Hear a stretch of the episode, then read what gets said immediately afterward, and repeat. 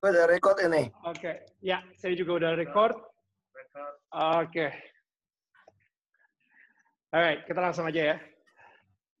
Udah oke ya. Pak Basuki Cahaya Purnama. Woo! Pak, thank you banget pertama-tama uh, Pak BTP um, karena apa? Karena waktunya dan jujur ini excited banget. Jujur kayak banyak orang nih yang udah pengen minta saya ngobrol sama Bapak itu dari sejak film Amen Cold Ahok keluar, tapi akhirnya kayaknya secara publik nih kita baru bisa kasih lihat sekarang obrolan-obrolan kita nih Pak. So um, ngomong-ngomong nih Pak BTP sendiri, saya jujur saya pengen pengen ngomong sekarang ini uh, saya saya tahu saya panggil Bapak itu biasanya Pak Ahok, tapi nggak tahu kenapa setelah baca buku panggil saya BTP, saya jadi kayak pengen konsisten panggil Bapak BTP aja deh. Karena, um, you know, Bapak sendiri udah lulus Divine University-nya selama dua tahun, dosennya Roh Kudus, habis itu apa kuliah bahan kuliah utamanya Alkitab, masa tetap dipanggilnya nama lama gitu kan. Jadi saya pengennya BTP aja. Selamat ya Pak ya. thank you, thank you.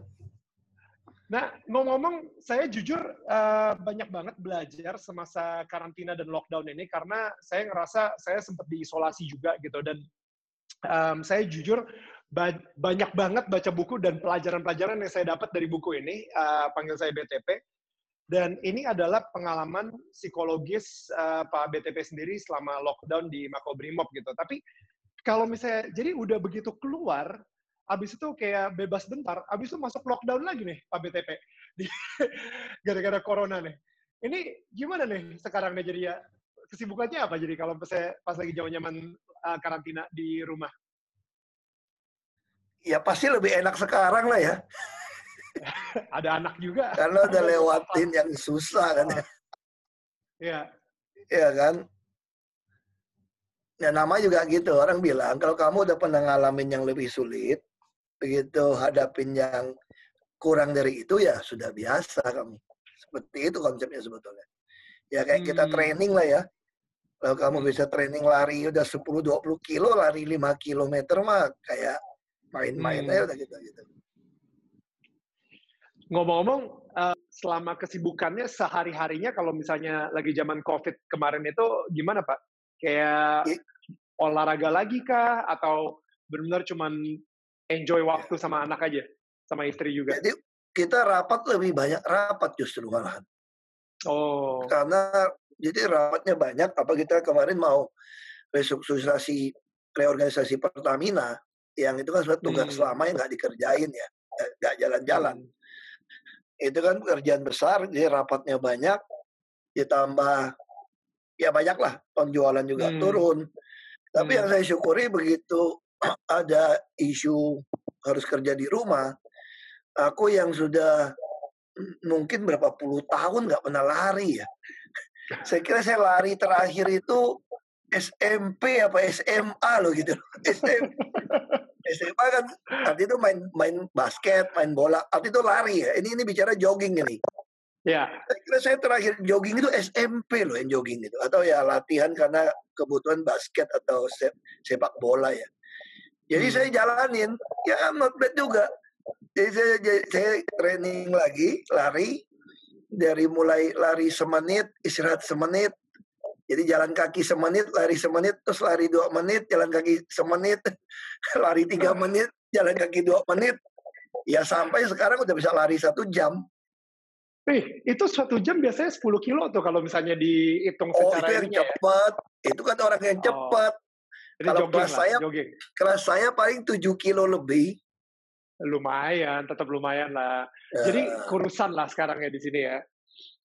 ya lumayan. Kemarin sempat 98, 99 kilo. Sekarang sudah sekitar 94, 95 kilo. Not bad. Congratulations again. Jadi sekarang nih saya saya sempat ngobrol sama istri saya juga gitu kayak orang-orang itu ngelihat sosok Ahok selesainya itu pas di film A Man Called Ahok. Dan setelah keluar dari Makobrimob, muncullah seorang BTP. Jadi kayak kayak abis itu belum lagi kampung Vivi juga eh sorry kampung Ahok dirubah namanya jadi kampung Vivi gitu ya dan um, apa ya? Saya ngerasa kayak kayak itu ada sebuah tahap di mana Bapak jadi lahir baru nih, jadi jadi seorang BTP gitu di uh, selama di Makobrimob. Nih ngomong-ngomong nih kalau misalnya oke okay, kita ngomong soal film Amen Called Ahoknya dulu. Bapak udah nonton gak sih? Saya jadi penasaran. Akhirnya udah nonton belum? Kemarin kita nggak nggak sempat nonton sebetulnya yang yang utuh ya. Yang ya. utuh kita nggak sempat nonton. Memang waktu di dalam tahanan itu waktu tim datang kan diputerin tapi belum mateng punya lah kira-kira cuplikan-cuplikan ya. Dikasih lihat itu.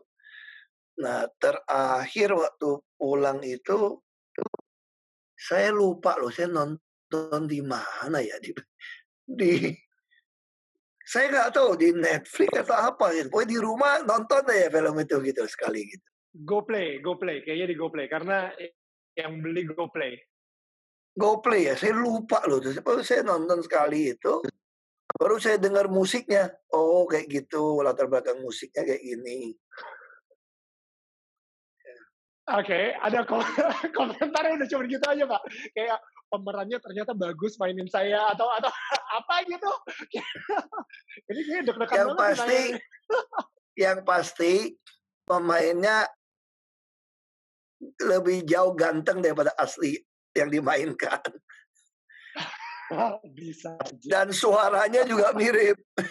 Suaranya dibuat ya agak mirip lah. Itu. saya potongan-potongan yang galak-galaknya nggak dikeluarkan ya. Sebetulnya saya kira itu potongan-potongan sisa tuh bisa bikin satu film lagi tuh. Karena banyak sekali yang dipotong ya. banyak, banyak banget yang dipotong. Dan itu kebanyakan justru marah-marahnya sih yang yang um, apa soalnya apa ya sutradaranya mungkin ngerasa mendingan kita main-main aman deh kayak gitu.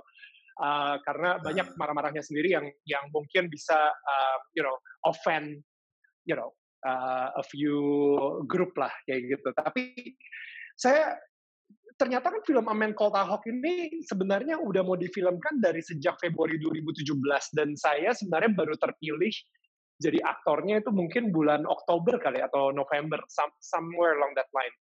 Kalau misalnya nih, ini ini saya serem banget sih nanya ini. Pak BTP sendiri awalnya aktor utamanya yang ada di kepala Pak BTP sebenarnya siapa? untuk jadi aku nggak kepikir apa? loh nggak kepikir loh oh karena waktu itu okay. sebetulnya kita udah suasananya udah suasana tegang itu menjelang hmm. tersangka sebagainya jadi suasana kampanye hmm. itu disodorkan oleh Kurawa itu pun kita nggak berpikir hmm. itu pun kita harus akuin yang berani buat film ini sebenarnya risiko tinggi sekali Ya waktu itu mereka juga bilang, hmm. film ini kalau jadi pun belum tentu bisa diputar karena bisa didemo. Hmm. Nah, jadi suasana saya itu sebetulnya di akhir 2016 itu sudah mau tetapkan jadi tersangka. Hmm. Nah, dan 2017 kan itu baru diputuskan menjelang karena kita bagikan buku Menkol Ahok. Dia Menkol Ahok kan gini, si Kurawa ini, di Kurawa ini, dia arti itu dia nggak yakin lah apa benar sih ada politisi kayak Ahok gitu loh. Jadi dia diem-diem ke ya. Belitung cerita gitu kan. Dari situ dia kaget temukan seperti itu. Lalu dia cetak buku. Lalu tim suksesnya merasa buku ini oke. Okay. Lalu kita cetakin hmm. yang banyak. Dia kasih free itu pun di lapangan dibakar, di, diumpetin. Nggak boleh dibagi. Kalau dibagi dipersekusi. Gila. Karena dari pihak lawan menganggap buku ini adalah buku untuk defensifnya seorang Ahok. Karena kemudian di buku itu ada hmm. menceritakan bagaimana di Belitung Timur kan 93% kan mayoritas. Bagaimana rumah ya. ibadah ya. mana bisa kita bantu sebagainya.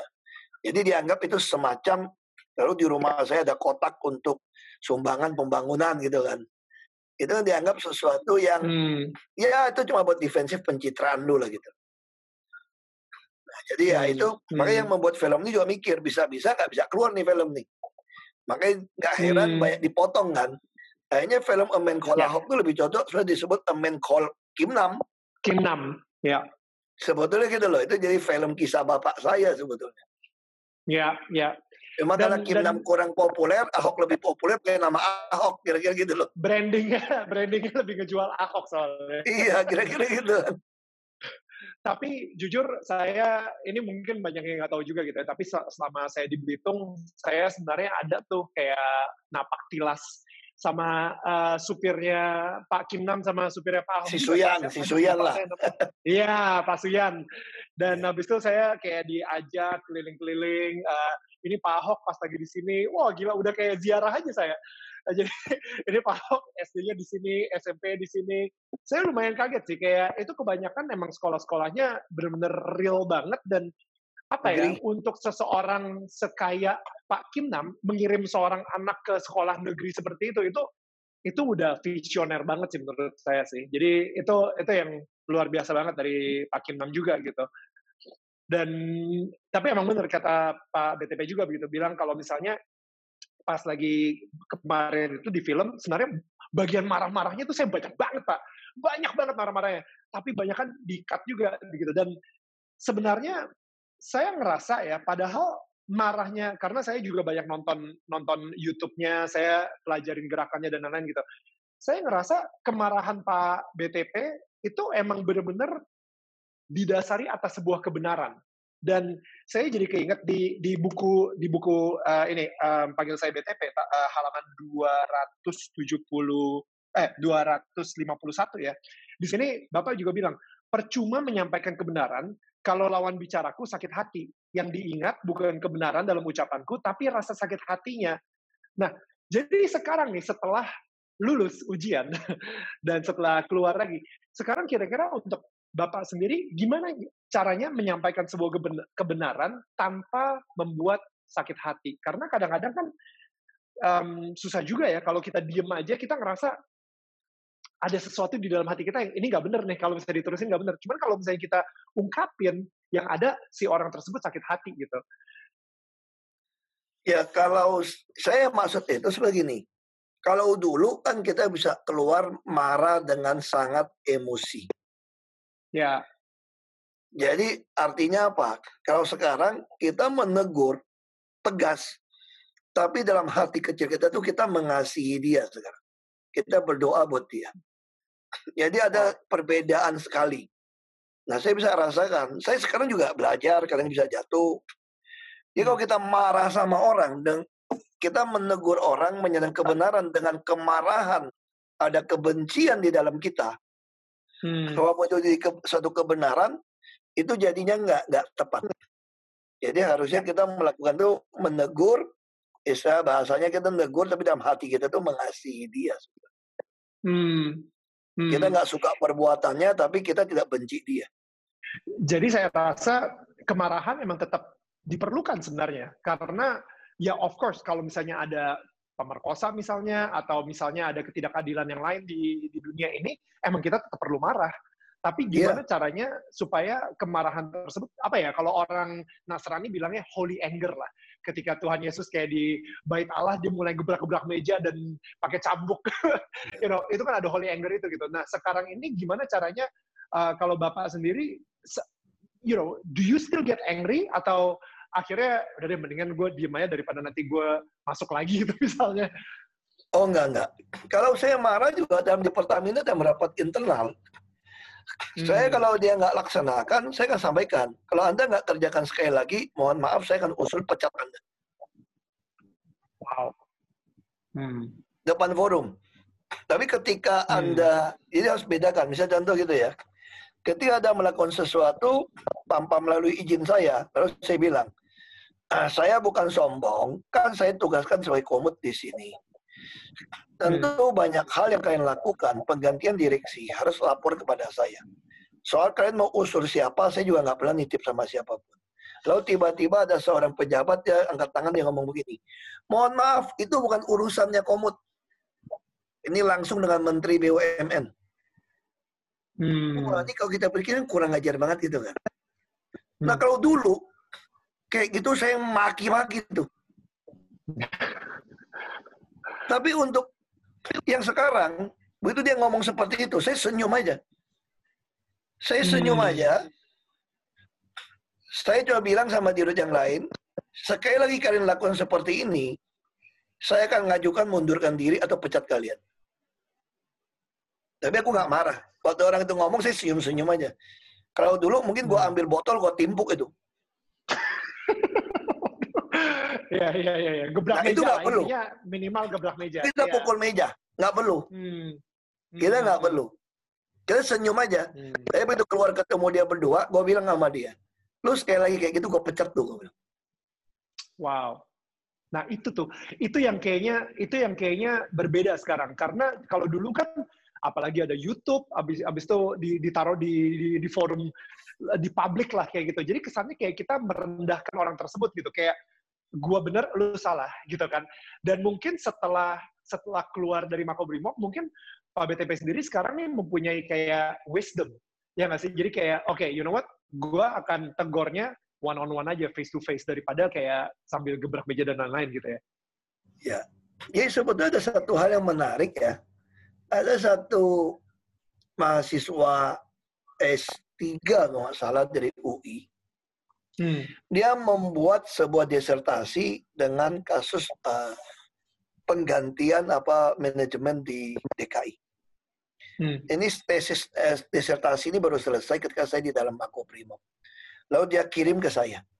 Saya baca dia punya disertasi itu juga salah satu yang membuat saya berpikir bahwa yang selama saya lakukan itu itu tidak bijak, tidak berhikmat. Nah, saya sampai hmm. tulis, saya sebetulnya tuh ada tuh disertasi saya tadi kalau salah hmm. itu itu ya. jadi itu banyak keluarga yang kita marahin itu keluarganya atau ibunya itu merasa sangat sedih kok anaknya seperti itu. Hmm. Nah, ya. karena waktu itu juga bukan saya mau upload ke YouTube, memang kondisi sana nggak sengaja ke upload karena ada demo buruh, lalu orang minta upload terus gitu ya. Nah kalau di Pertamina sekarang kan kita kan perusahaan tidak mungkin semua rapat internal dibuka rahasia gitu. Betul. Dan saya juga belajar satu hal dari dalam. Kalau orang yang benci saya, kamu mau jelasin sampai apa pun, ada Tuhan di samping kamu menjelaskan pun, tetap dia nggak terima, dia tidak benci. Nah, tapi kalau orang yang sudah bisa mengerti tentang kita, dia memang tahu kita benar, kamu nggak usah jelasin juga. Dia belain kamu kok. Makanya sejak itu saya berpikir, ya. untuk apa saya mau jelasin gimana pun, nggak bakalan, nggak bakalan ketolong punya gitu loh. Kamu salah ngomong dikit hmm. lebih dihajar habis. Nah sementara ya. orang yang mendukung kamu, deg-degan. Waduh, takut si Ahok salah ngomong nih, gawat ini, salah ngomong bahaya nih. Jadi sudah ada gunanya iya, kita iya. jelasin ke orang. Nah, maka itu yang kita belajar lah. Banyak hal kita belajar. Setelah keluar sampai hari hmm. ini saya juga baru masih belajar sampai sekarang juga belajar.